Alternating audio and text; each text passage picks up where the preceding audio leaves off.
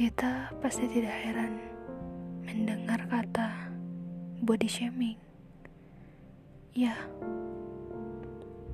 pelakunya akan tertawa, akan bahagia. Tapi apa kamu pernah berpikir tentang perasaannya di saat kau tertawa menghinanya? Dua kata yang benar-benar merusak mental seseorang. Dengan perkataan, kamu gendutlah, kamu hitamlah.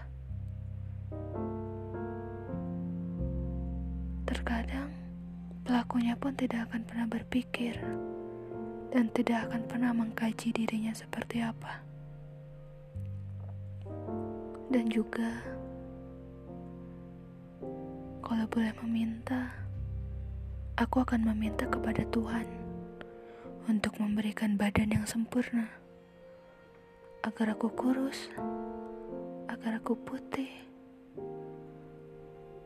Tapi apa daya, kita seorang manusia.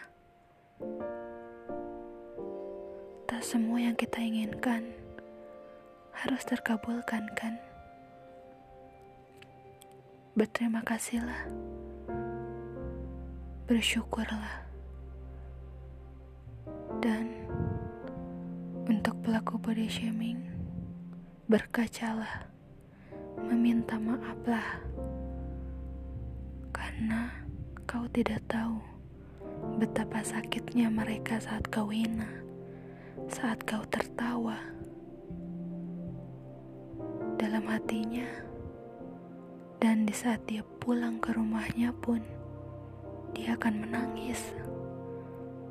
Dia akan meratap, mengapa aku seperti ini? Terlalu kejam bukan apa yang kau lakukan? Meminta maaflah.